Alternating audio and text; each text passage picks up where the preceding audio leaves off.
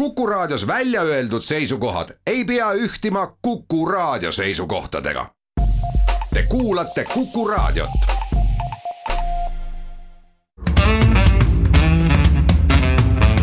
muuli ja Riikoja tere päevast, head kuulajad, kell on seitse minutit üksteist läbi, kaunis suvine reedene päev. Saade Muuli ja Riikoja alustab, Kalle Muuli, Hindrek Riikoja on suvest hoolimata stuudios. tere päevast.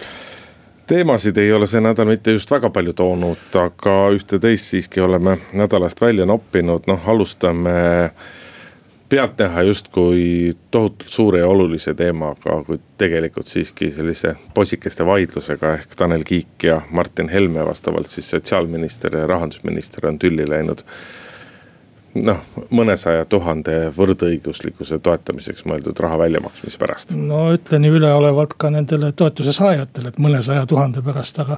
kui nüüd keegi ootab, et ma järgmise teemana kuulutan välja sinivetikat või kartulimardikat, mis on igal suvel meil väga siis nii hull see asi ka veel ei ole. siis nii hull see asi ei ole ja teiseks me räägime äh, Keskerakonna rahaasjadest äh, erasta- äh,. erastamise erakondade järelevalvekomisjon, rahastamise järelevalvekomisjon on siis eh, keeldunud eh, ajatamast või, või maksegraafikut kokku leppimast Keskerakonnaga saja kümne tuhande euro tagasimaksmiseks, mis või äramaksmiseks, mis Keskerakond peab maksma ja nõuab, et see oleks makstud kohe ja korraga. valitsus ja perekond Helmed õnneks pakuvad veel kõneainet, nimelt kaitseminister Jüri Luik ja siseminister Mart Helme, mitte segamini ajada rahandusminister Martin Helmega on siis ka läinud omavahel äh, piltlikult öeldes karvupidi kokku ja teemaks on siis sisekaitsereservi loomine. Või sisejulgeoleku reserv on vist see täpsem.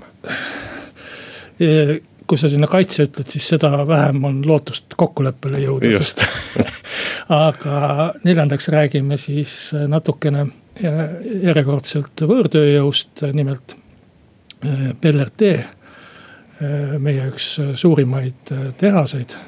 Balti laevaremonditehas on siis teatanud, et ta teeb investeeringud Eesti asemel Leetu, kuna sealt on lihtsam leida tööjõudu, sealhulgas ka võõr, võõrtööjõudu.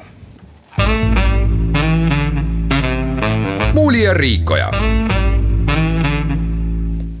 rahandusminister ja sotsiaalminister on tülli läinud sellepärast, et äh, sotsiaalministeeriumi otsusega on kolmele nii-öelda, ütleme siis selle kohta naisi esindavale MTÜ-le eraldatud äh, toetusraha võrdõiguslikkuse, võrdõiguslikkust edendavate äh, projektide jaoks ja ei ole ju kellelegi ammu saladuseks, et EKRE-le on kõik sellised projektid äh, väga vastukarva, sest et kõigile pantakse, pannakse homotempel külge kõigile sellistele projektidele ja. no mis viga on niimoodi nii-öelda oma valijate seas populaarsust, populaarsust võita ja rahandusminister äh, rahandusminister Mart, Martin Helme, õigupoolest siis tegelikult teda asendanud, äh, kuna rahandusminister oli puhkusel, Raul Siem otsustas siis peatada väljamaksed eh, kolmele MTÜ-le, kes kahel kvartalis, kahes kvartalis juba on saanud toetusraha. ja põhjendades seda siis tõigaga, et kuna need on määratud siis hasartmängumaksust saadavatest tuludest on see rahastus määratud, siis nende nägemuse all ei ole õigust selliseid projekte toetada sellisest rahastusallikast ja kuigi kahtlemata nii-öelda kogu EKRE ja Martin Helme nii-öelda käitumine selles osas, mis puudutab nagu vähemusi, nende kuidagi toetamist, nende mingisugust edendamist on nagu suhteliselt väiklane, siis. siin tuleb selles mõttes küll vist äh, äh tõdeda, et äh, vähemasti juriidilises mõttes on Martin Helmel äh, õigus, et äh, selliseid projekte tõepoolest äh, hasartmängumaksu rahadest äh, toetada ei saa ja tegelikult sellele on tähelepanu juhtinud ka riigikontroll aga noh, küsimus on, et aga kus sa meest siis nagu siiamaani olid, et mitu makset olete läbi lasknud. ja nüüd siis järsku ei saa. aga noh, ütleme, et neid kihte selles vaidluses on ju veel kümneid, kümneid, kümneid, et, et kas oleks tohtinud nii-öelda siis rahandusminister või tema kohusetäitja seda käsku anda kes peaks nii-öelda seisma selle eest, et äh, organisatsioonidel kahtlemata on õigustatud ootus oma raha saada, kuni see neile määratud on, osaliselt juba välja makstud on. et siis noh, nende ootus on õigustatud, aga aga kas sotsiaalminister peaks siis otsima ise nii-öelda nagu teised rahastusallikad või mitte. aga noh, kõige selle tulemus on tõenäoliselt see, et, et kuna tegelikult nii-öelda selle käsu justkui oleks saanud anda hoopis siiski Jaak Aab, siis nii-öelda sõidetakse Martin Helmest ja tema tahtest üle, viiakse need selle väljamaksete tegemise otsustusõigus sotsiaalministeeriumisse üle ja need maksed tehakse välja Indrek. Indrek, ega sa tegelikult ju ei tea, mida Martin Helme tahab, et kui sa, kui me räägime kihtidest, siis ma hakkaksin natukene kaugemalt ja väljastpoolt isegi pihta, ma hakkaksin aasta tagant äh, pihta. et, äh, et kas, kas, kas sulle ei tundu, et, et sellel juhtumil on selline akustiline või kõlaline sarnasus eelmisel suvel. ka siis, kui oli sinivetikate ja kartulimardikate aeg ja ajakirjandusel ei olnud eriti midagi kirjutada. on selline kõlaline sarnasus sellega, et kui Mart Helme oli puhkusel. siseminister. siseminister, siis Martin Helme, rahandusminister, kes teda asendas. kutsus enda juurde politseiameti peadirektori ja ütles, et kirjuta lahkumisavaldus. et, et, et see on, see on üsna samamoodi nagu lavastatud, et kui, kui rahandusminister Mart Helme on puhkusel, siis äh, IT-minister Raul Siem kutsub enda juurde äh, äh, või, või saadab siis kirja, aga põhimõtteliselt ütleb, et, et ärge rahastage. see, see, see käik on umbes selline, et noh, et siis me võime ju ütelda, et näete ma olin puhkusel ja nüüd ma saan sammukese nagu tagasi võtta. aga, aga, aga samas, kui, kui vaadata, kui tugevasti on, ütleme, Martin Helme ise selles äh, asjas kanna maha pannud avalikult. siis ma arvan, et tegelikult võiks äh, üle pika aja tõesti kasutada selle ministrite vahelise lahkarvamuse kohta sõna tüli, mida sa kasutasid. et tavaliselt kasutatakse seda täiesti asjakohatult ja, ja ebakohastes kohtades. siin on äh, ju ilmselgelt näha sellist väiklast norimist, püüdu teise ministri arvel omale punkte saada ja paljusid selliseid asju. aga, aga ma olen nagu sinuga selles mõttes nõus, et äh, Tanel Kiige käitumine on ka kuidagi imelik. et äh, riigikontroll ütleb sulle, et see on ebaseaduslik ja, ja sa selle peale no,. ja aga riigikontroll sinna juurde siiski lisas ka seda, et, et nii-öelda juba tehtud otsused, et juba tehtud otsuseid ümber vaatama ei pea. ja, ja aga, aga, aga ikkagi, et kui sa oled seaduskuulekas minister ja oled andnud ametivande kõiksuguseid seadusi ja põhiseaduse täita. et sa siiski ju kiirustaksid ja, ja, ja püüaksid seda olukorda, kui sulle ütleks riigikontroll, Indrek, et sa rikud seadust. siis sa ei ütle selle asja peale, et tead, meil lepingud kehtivad aastani kaks tuhat kakskümmend kaks, võib-olla siis vaatame eriti kui sa tead, et sul on veel äh, valitsuses ka erakond, kellele üldse ei meeldi selline tegevus. ja, ja sellel erakonnal on rahandusminister, et tegelikult, mis ma tahan ütelda, on see, et, et normaalne oleks olnud see, kui ministrid oleks selle asja omavahel kabinetis ära lahendanud ja sellepärast ma ütlen, et tegemist on väiklase kiusu ja tüliga ja see meenutab mulle lasteaeda natuke. normaalne oleks loomulikult, kui see oleks äh, vaikselt kabinettides ära lahendatud, ilma et suuremat äh, kära sellest üldse tekiks, sest et tuletame nüüd meelde kokku käib jutt kolmesajast tuhandest eurost, kolmsada tuhat eurot äh, on on iga lihtsa inimese jaoks suur raha, aga nii rahandusministeeriumi kui sotsiaalministeeriumi haldusala mõistes on tegemist täiesti peenrahaga. ja tegemist on ju ka, ka olemuslikult riigi seisukohast täiesti tähtsuseta küsimusega. ja noh, vägisi tekib see tunne, et kas valitsusel ei ole tõesti mitte midagi paremat teha, kui äh, kui, kui, kui, kui tegeleda sellise peenrahaga. aga selles mõttes see paralleel Elmar Vaheri juhtumiga on selles mõttes nagu õige, et ega ega Martin Helme, äh, Raul Siem ei teinud seda ilma Martin Helme teadmata, see on, see on ilmselge. ja mõlemad nad ju teadsid väga hästi, et lõpuks makstakse need rahad välja ikkagi. aga punktivõitud nii oma valijate silmis kui ka tegelikult paljude teiste inimeste silmis on Martin Helme väga, väga edukalt äh, nii-öelda sellest juhtumist äh, võitnud. et selles mõttes nii-öelda turunduslikus mõttes ja, ja poliittehnoloogilises mõttes on võitjaks, kelle jaoks õnneks, kelle jaoks kahjuks jäänud igal juhul nagu Martin Helme. ja tal on teataval määral on tal õigus, me ei saa selle vastu, eks ole. no rahalises mõttes on see muidugi riigile tühine küsimus, aga mitte väärtuselises mõttes, et kui, kui võib-olla siin kevadel oli näiteks, ma toon paralleelina jutuks riigikogu liikmete palgad, et kas need peaksid tõusma või peaks tagasi maksma selle summa. siis see oli ka rahaliselt täiesti olematu küsimus. aga väärtuseliselt, moraalselt oli see tähtis ja ma arvan, et et küsimus, kas seadusi Eesti riigis täidetakse, küsimus, kas üldse peaks MTÜ-sid äh, sel kombel või, või sel viisil äh, rahastama ja kas neid MTÜ-sid peaks rahastama. et need on nagu tähtsad küsimused, rahaliselt on need muidugi väikesed summad. aga noh, kindlasti on kogu see, kogu see juhtum ja ka selle juhtumi nii-öelda meediakajastus ja kõik need kommentaarid, mis on tulnud Vox Populites, interneti kommentaariumides ja kõigis kõigis muudes kohtades. et noh, need on tõestanud seda, et võrdõiguslikkuse teemaga Eesti Vabariigis tuleb vaieldamatult tegeleda, Eesti Vabariik peab rahastama sellega tegelemist. sellepärast, et inimeste arusaam võrdõiguslikkusest on tihti ikkagi pehmelt öeldes vildakas. muuli ja Riikoja jätkame saadet stuudios Indrek Riiko ja Kalle Muuli erakondade rahastamise järelevalve komitee. komisjon. komisjon tegi siis eelmisel nädalal, ma juba mõlemast otsast olen suutnud seda nime valesti. no suvine aeg, suvine Vahe... aeg, ehk kuulajad annavad andeks sulle. tahaks ütelda siis ERJK eh,, aga tegi siis eh, otsuse või, või vastas ühesõnaga Keskerakonna härdale palvele eh, võtta tema maksed eh,, tagasimaksed vastu ajagraafiku alusel jupikaupa sada kümme tuhat eurot on väga suur. vastas sellele, et, et nii ikka ei saa, tuleb kohe ära, ära maksta ja Keskerakonna peasekretär Mihhail Korb on äh, öelnud siis selle kohta, et, et järelevalvajad kiusavad Keskerakonda. ja ausalt öeldes ma olen põhimõtteliselt temaga nõus, et me võime vist pooltunni uudistele ära minna, sest ma olen ka. et, et et eriti veel kriisiolukorras, aga noh, ega see Keskerakonnal see kriis ei ole tekkinud praegu ja, ja ainult seoses koroonaga, aga kindlasti kindlasti mõjutab see ka annetusi, aga noh, vaevalt, et nad annetustest ka sada kümme tuhat kokku oleks saanud.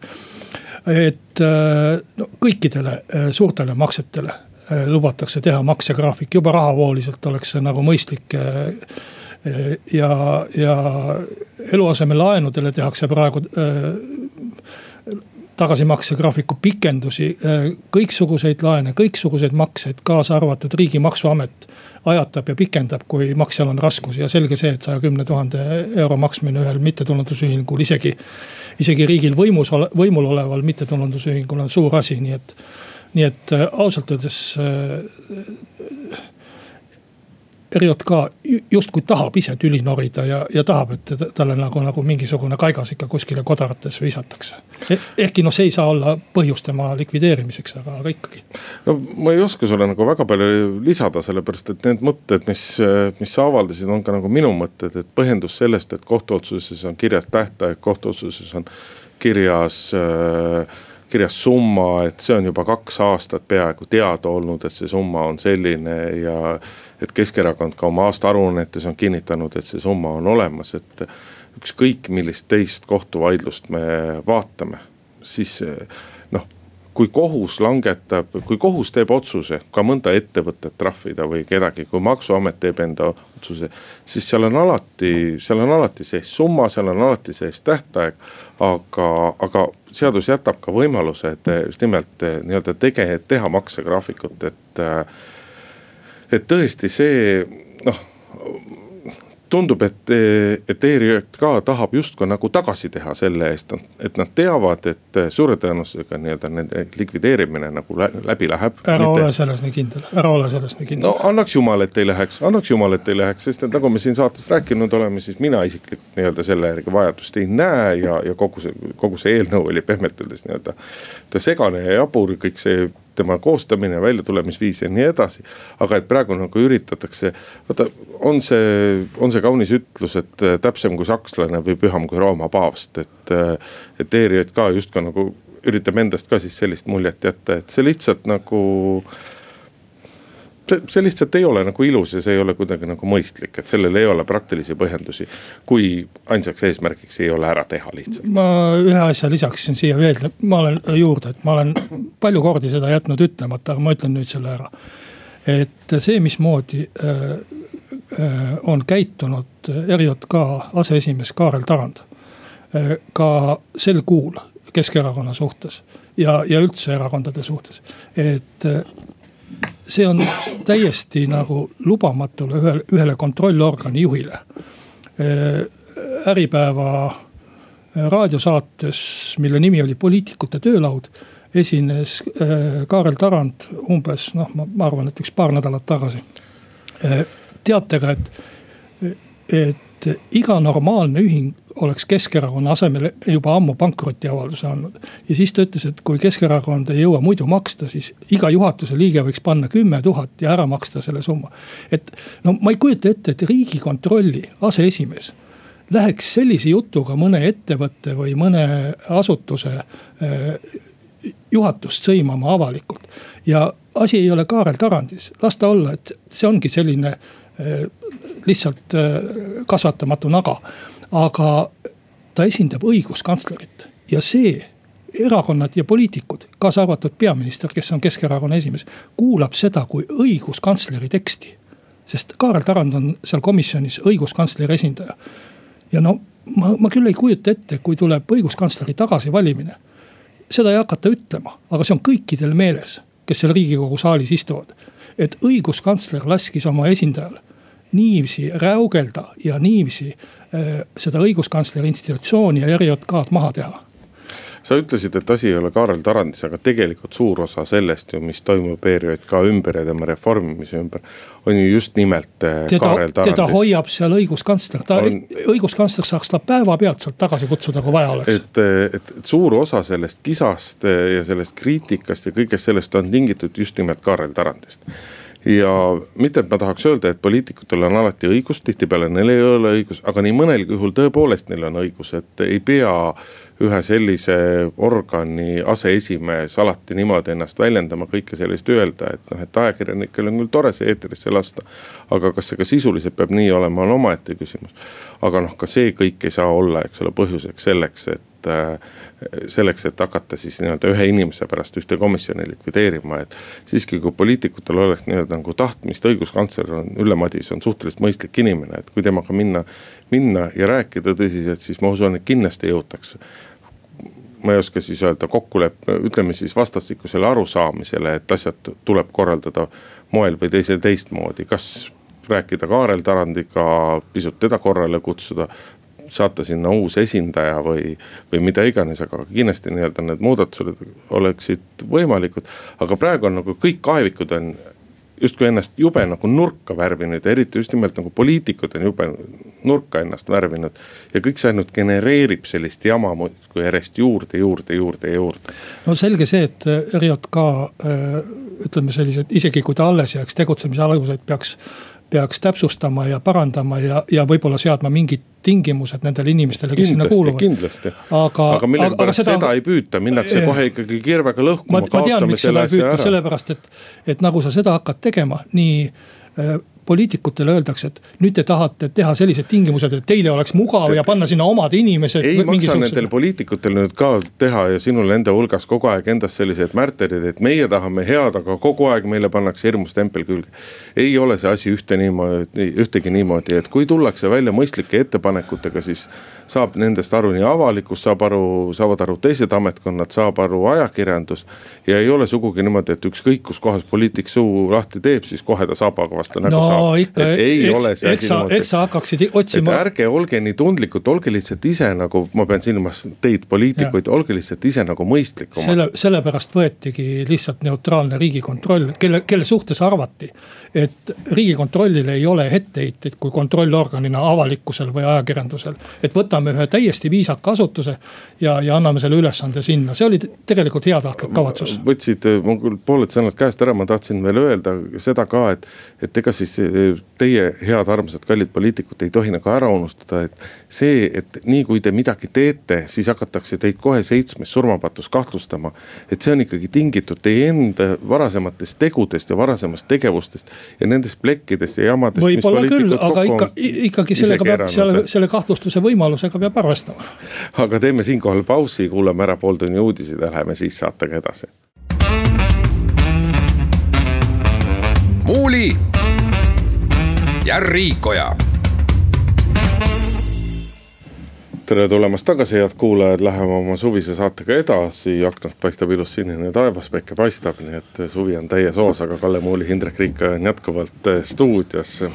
räägime nüüd järgmistest ministritest, kaitseminister Jüri Luik ja siseminister Mart Helme. poolt, pooltel neist on samad nimed, perekonnanimed, mis eelmistel teemal. jah, on läinud, ma ei tea, tülli sõnelema või kuidas iganes seda nimetada, seda siis põhjusel, et äh, kaitseministeerium otsustas mitte kooskõlastada sisejulgeoleku reservi äh, puudutavat eelnõud. Äh, viidates siis peamiselt sellele, et eelnõust jääb arusaamatuks, mis siis on selle reservi täpsed ülesanded, mille jaoks nad loodakse, kuidas nad loodakse ja, ja, ja mida nad tulevikus nii-öelda tegema peaksid hakkama ja noh, mingis osas võib sellest kriitikast ju selles mõttes nagu aru saada, aga eks siin kõige rohkem, kõige rohkem pahameelt on tekitanud äh, kaitseringkondades see nii-öelda Mart Helme kommentaarid pärast seda, kus ta nimetas äh,, ma ei tsiteeri täpselt, aga kus ta nimetas äh, kaitseliitu nii-öelda üksjagu saamatuks organisatsiooniks, kellel ei ole nii-öelda võimekust, valmisolekut, oskusi ja tahtmisi äh, oskusi ja tahtmisi nii-öelda selliste sisekriiside põhja korral riigile appi tulla. ja Mart Helme viitas ka sellele, et kui siin nüüd samas koroonakriisi ajal Kaitseliit oli abiks, et siis pidi riik nii-öelda Kaitseliit, Kaitseliidule iga päeva eest nii-öelda prisket prisket raha selle eest maksma. nii et ta ka ühele ERR-ile antud intervjuus seal ta ka ütleb, et nii-öelda riigile oleks odavam lihtsalt tulla tulla välja nii-öelda oma sellise üksusega? ma arvan, et, et selle üksuse üle tulebki põhimõtteliselt ükskõik, kes need ministrid oleks ja ükskõik, kuidas Kaitseliit oma ülesannetega hakkama saaks.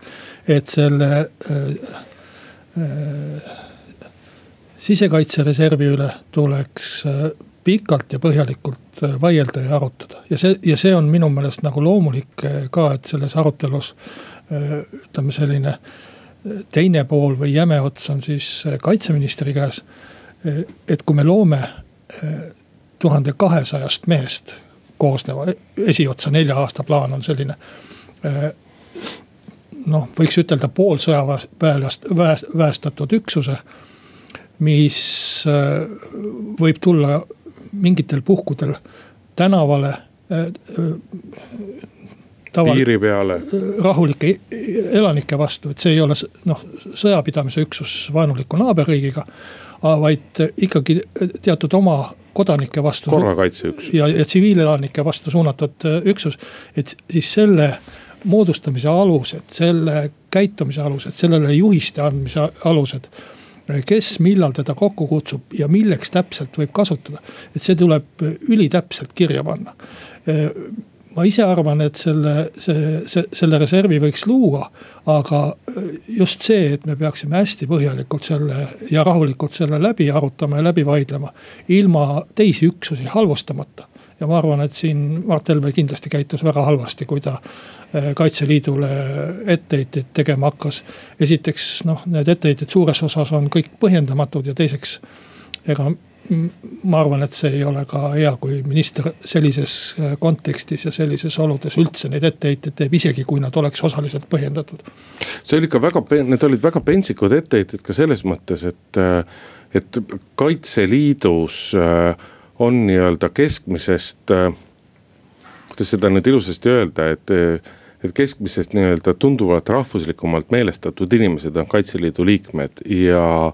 ja, ja, ja tihtipeale ikkagi, kui nii-öelda hakata, hakata Kaitseliidus mõõtma, et milliseid milliseid poliitilisi erakondi kaitseliitlased toetavad, siis ma arvan, et EKRE näitajad seal on nii-öelda tunduvalt kõrgemad kui Eestis keskmiselt et ta nagu teatud mõttes Mart Helme nii-öelda sülitas iseenda nagu valijaskonna pihta ja tegelikult selle seltskonna pihta, kus tal on ka potentsiaalis lootust kõige rohkem uusi valijaid saada.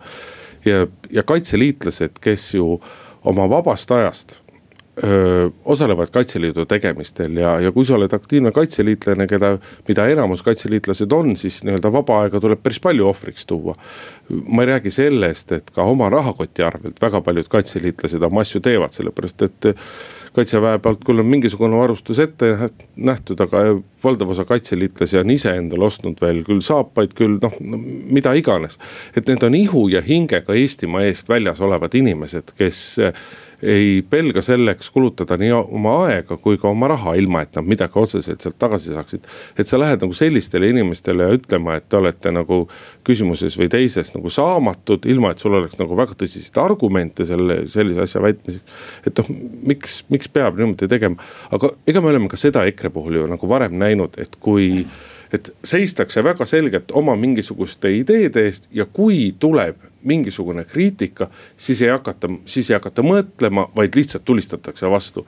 ja noh, pärast saadakse ise ka aru, et sai üle võlli pandud, aga nagu EKRE juhid on ju deklareerinud, siis meie ei vabanda kunagi. noh, kui vaadata seda ma hinnanguna Kaitseliidule olen sinuga väga nõus, et ma riigikogu riigikaitsekomisjoni liikmena sain omal ajal käia ka mõnes Kaitseliidu malevas seda elu nagu seestpoolt vaatamas ja, ja ma pean ütlema, et, et tõesti noh võib-olla sõna üllatav on kuidagi vale siin kasutada, aga noh, meeldivalt noh, tähelepanu. no tegelikult komb... ikkagi tihtipeale üllatav. et, et tõesti, tõesti inimesed nagu erakordselt südamega suhtuvad nagu Eesti riigi kaitsmisse ja, ja, ja Eesti riiki üldse, et eriti jäi mulle meelde näiteks Põlva malev, kus olid üsna kehvad tingimused, ütleme relvade hoidmiseks ja, ja laod ja asjad ja.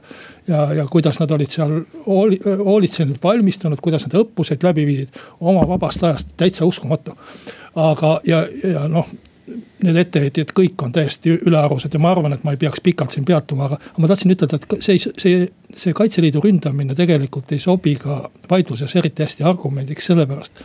et kui Mart Helme arvab, et et ta loob mingit Kaitseliiduga äh, konkureerivat organisatsiooni või ta loob äh, organisatsiooni, mis nii-öelda halvasti tegutsevat Kaitseliitu asendab või, või tema mingeid funktsioone üle võtab, siis see on kindlasti välistatud. et sel juhul ei tule sellist mingit reservi mitte iial. Äh, sest sel juhul on esimene käik on ju see, et aga parandame siis Kaitseliitu teeme selle korda, meil on olemas olemasolev organisatsioon. aga mina näen sellel reservil tegelikult äh, mõtet nendes kohtades kus Kaitseliit äh, tõesti ei saa tegutseda.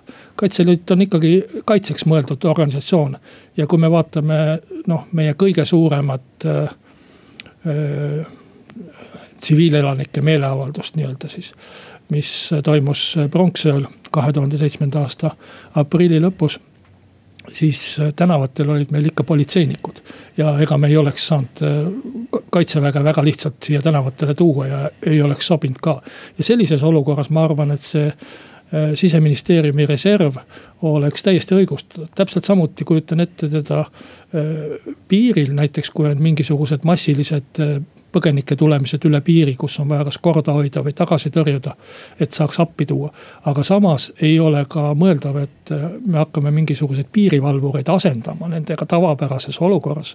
Äh, mingi reserviga, et noh, meil ei ole töötajaid, meil ei ole piiri peale inimesi panna ja siis toome kuskilt äh, jõureservist mingisuguseid teisi inimesi. nii et siin on väga palju probleeme, mida tegelikult tuleks rahulikult haruldada ja vaielda. ja mitte samal ajal sõimata mingeid teisi organisatsioone, kes ei ole mitte milleski süüdi aga noh, vaata, ega siin on ka jälle seesama, et nagu sa ütlesid meie saate esimese teema puhul, et et Kiik ja Helme oleksid võinud nii-öelda kabinetivaikuses maha istuda ja need asjad omavahel nagu selgeks teha, et. ega täpselt sedasama soovitust saab praegu anda, praegusel hetkel anda Jüri Luigele ja, ja Mart Helmele, et samamoodi, et mehed, istuge maha, rääkige ja arutage, et ega, ega tegelikult ju sellist nii-öelda pehmemat kriitikat on, on olnud ka mitmel teisel ministeeriumil selle eelnõu suhtes kõik ei ole ametlikult kinni, kohe kirja pandud, osasid asju ongi kabinetis arutatud. ja, ja, ja veel kord, et küsimus ei ole nii, küsimus ei ole mitte väga selles julgeolekureservis, vaid just nimelt selles eelnõus, selles et see on pisut kiirustades pisut liiga umbmääraselt ja, ja ebaselgelt kokku kirjutatud. no siin ma natukene arvan, et on seis teine kui, kui äh, teisel Helmel ja Kiigel.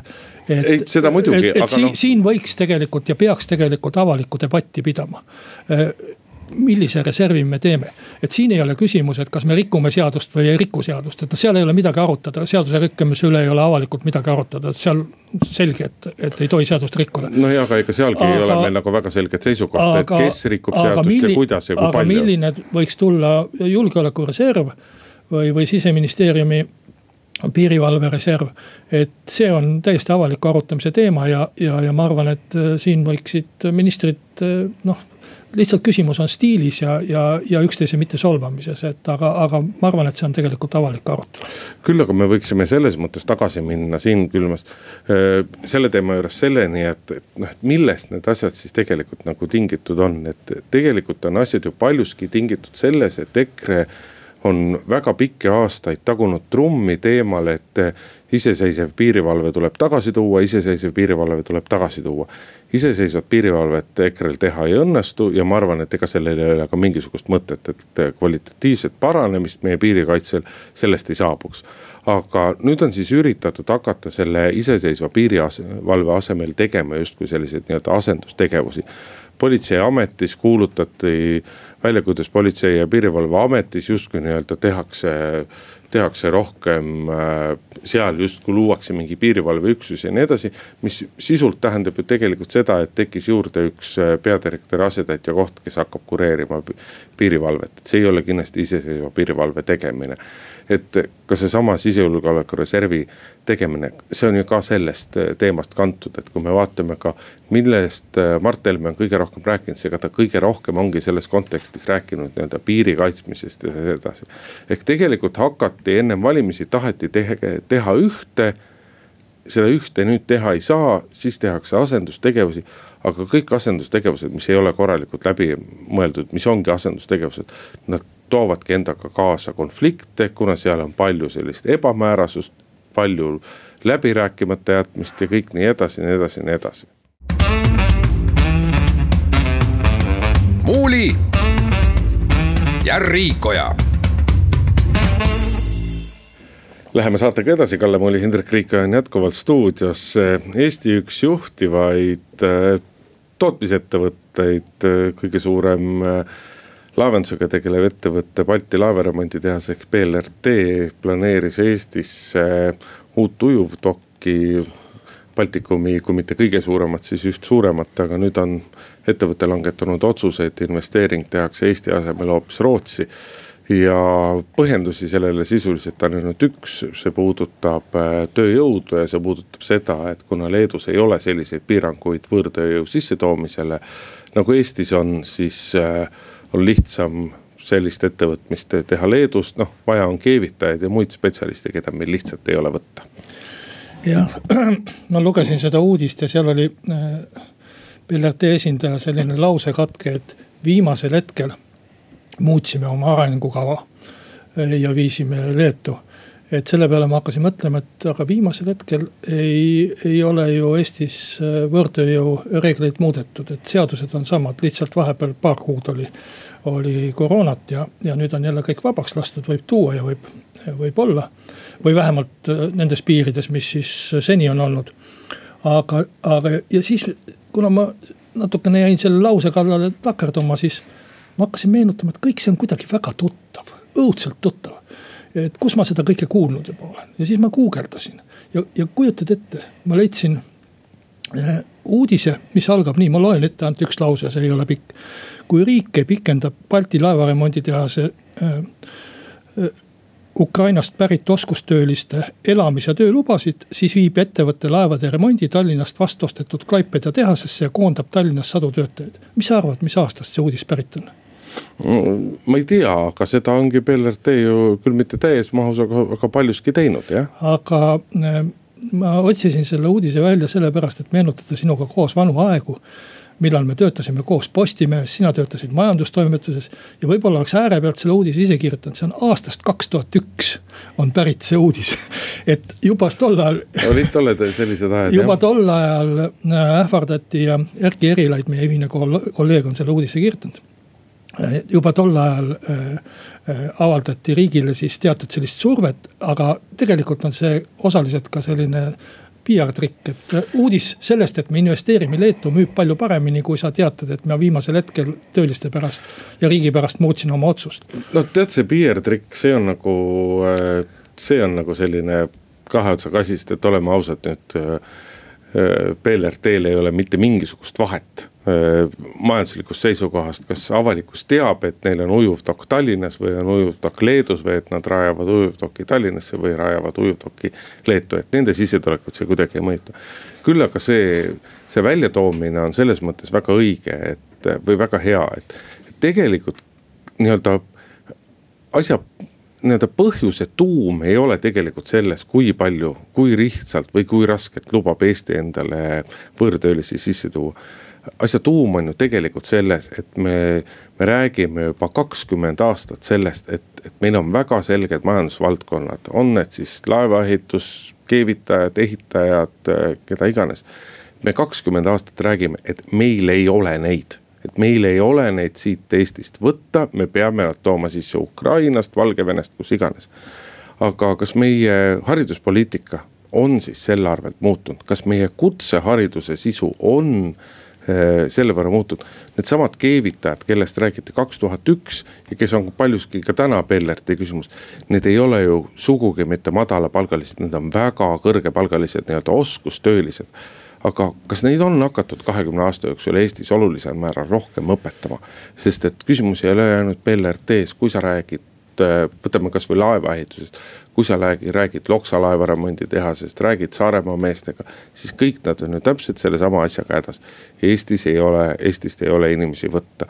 räägid Lõuna-Eestis eh, ettevõtetega, kes teevad suuri konteinereid, asju ehk keevitustöö toovad töölisi Lätist, toovad töölisi Venemaalt, toovad töölisi Ukrainast.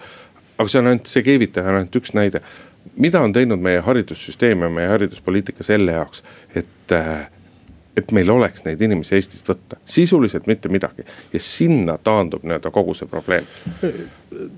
päris äh, selline äh, nutikas vaade sul, tegelikult, mis on Leedus üks asi, mis on Leedus erinev Eestist, on see, et seal on väga tugev just nimelt äh, laevaremonditööliste väljaõpe. Äh, Klaipeda on nii suur keskus, et selle jaoks valmistatakse ette nii kõrgkoolis Leedus kui ka kutsekoolides spetsiaalselt töötajaid. ja, ja seal on neid lihtsam leida. aga, aga kui me räägime tööjõu probleemist tervikuna ja investeeringutest, et kuhu neid ja mis asju. siis tegelikult tuleb paljud asjad lahus hoida ja, ja eritada, et muidu läheb selliseks labidaga lahmimiseks. et on väga palju odavaid töid, mida teatud jõukusastmes riigis inimesed ei tahagi teha ja mis viiaksegi riigist välja, sinna, kus on odav tööjõud. et ei hakata odavat tööjõudu endale riiki tooma. kui, kui, kui me hakkaksime siin rääkima, et toome endale Bangladeshist õmblejaid sisse siis see kindlasti ei oleks õige lahendus. lihtsalt sel põhjusel, et meil endal inimesi ei jätku või et meil enda inimesed tahavad saada liiga suurt palka. või ei saagi nii väikse palgaga hakkama nagu Bangladeshi inimesed. et need tootmised on kõik Euroopast viidud välja äh, Aasiasse, on see nüüd äh, noh riigi majanduse seisukohast hea või õige. see, selle üle kindlasti võib äh, mõtteid vahetada, aga, aga põhimõtteliselt väga palju tootmist viiaksegi sinna, kus on odav tööjõud. ja seda odavat tööjõudu ei veeta sisse. Oda, ma... odavat tööjõudu veetakse sisse nendel aladel, mida ei saa välja viia, ehitus, põllumajandus, sa ei saa maasikapõldu viia Bangladeshi. aga, aga laevaremont on veel hoopis nagu kolmas liik, see on, see ei ole odav tööjõud ja see ei ole ka noh, mingi selline asi, mida tahaks hirmsasti, et viidaks riigist minema kuskile välja, et kust saame odavalt need püksid ära õmmelda. laevaremont on kindlasti Eesti spetsialiteet juba tsaari Venemaa ajast ehitati meile siia te need tehased ja see on traditsioon ja, ja noh, meie selline üks päris osa. Ja, ja selles mõttes ma arvan, et kui siin lahendust üldse otsida, siis see lahendus, et me peame neid koolitama hakkama saavad ka need inimesed, kes võib-olla ei, ei taha IT-inseneriks saada, saavad tööd ja saavad kõrgepalgalist tööd noh, mis kõrge, aga, aga normaalse palgaga tööd ja, ja saaksid siin seda tööd teha. no ikkagi tublisti üle Eesti keskmise, aga küsimus ei ole, me ei, ei ole mõtet taanduda ainult äh, asja taandada ainult nagu keevitajatele või, või laevaehitajatele, et sellel nädalal tuli uudis sellest, et et põllumehed äh, tellivad üheskoos erilennud, toovad Ukrainast vähemalt sada nelikümmend inimest Eestisse, eks ole. Valdavalt inimesed, kellel on tegelikult juba nii-öelda tööload olemas aga kes pole siin koroonakriisi tõttu Eestisse saanud, nad on valmis tagama selle, et need inimesed on kaks nädalat karantiinis ja kõik. ja ega me seal ka ei räägi ju maasikakorjajatest, me räägime ka seal tegelikult nii-öelda tippspetsialistidest, lüpsjatest erinevate masinate peal sõitvatest inimestest ja nii edasi, nii edasi, nii edasi. noh, mis justkui kõlab, et noh, mis see lehmalüpsmine siis ära ei ole. no see koolitatakse farmis välja siiski, selleks ei ole vaja haridussüsteemi. et eh, ei, aga, aga seesama näiteks traktoristide küsimus, kes sul suudaks nii-öelda olla kombaini roolis, traktori roolis, tegeleda haagiveatehnikaga ja kõige sellega. eks ole, meil ka justkui meil koolitatakse mitmes tehnikumis neid inimesi välja, aga, aga võtta ei ole ikka kuskilt, põllumees ütleb, et ütleb, et võtan endale nii-öelda justkui õppinud mehe, palun tal nii-öelda sõnnikalaotajaga hakkama saada ainult kolmkümmend kaks nuppu ja ta kolm päeva istub seal taga ja ei saa hakkama, eks ole, et mida ta seal koolis üleüldse õppinud on. et noh, et neid et, et, et see haridusküsimus läheb tegelikult väga paljudesse nagu valdkondadesse ja suur osa sellest, mis puudutab praegu nii-öelda nagu võõrtööjõud, suur osa sellest on seotud ka väga otseselt meie haridussüsteemiga, ehk kui me koolitaksime neid inimesi ise siis, äh, siis me ei peaks neid väljast sisse tooma. noh, peab ka vaatama, et kas ikkagi keegi ka õppima tuleb, et võib-olla, et mõnes riigis on ka nii, et mõned inim- või inimesed ei tahagi teatud töid üldse teha. seda kindlasti, aga noh, aga, aga need on sellised nii-öelda lihtsamad tööd, et noh, samamoodi nagu eestlased lähevad, äh, lähevad Soome koristama, liha raiuma ja tegema selliseid teisi lihtsamaid töid. samamoodi peame meie nüüd tooma Ukrainast neid inimesi siia, eks ole. aga selline see elu on, tänase saate otsad tõmbame kokku siinkohal, Kalle Muuli, Hindrek Riik olid stuudios stuudios ja nädala aja pärast kuuleme jälle. muuli ja Riikoja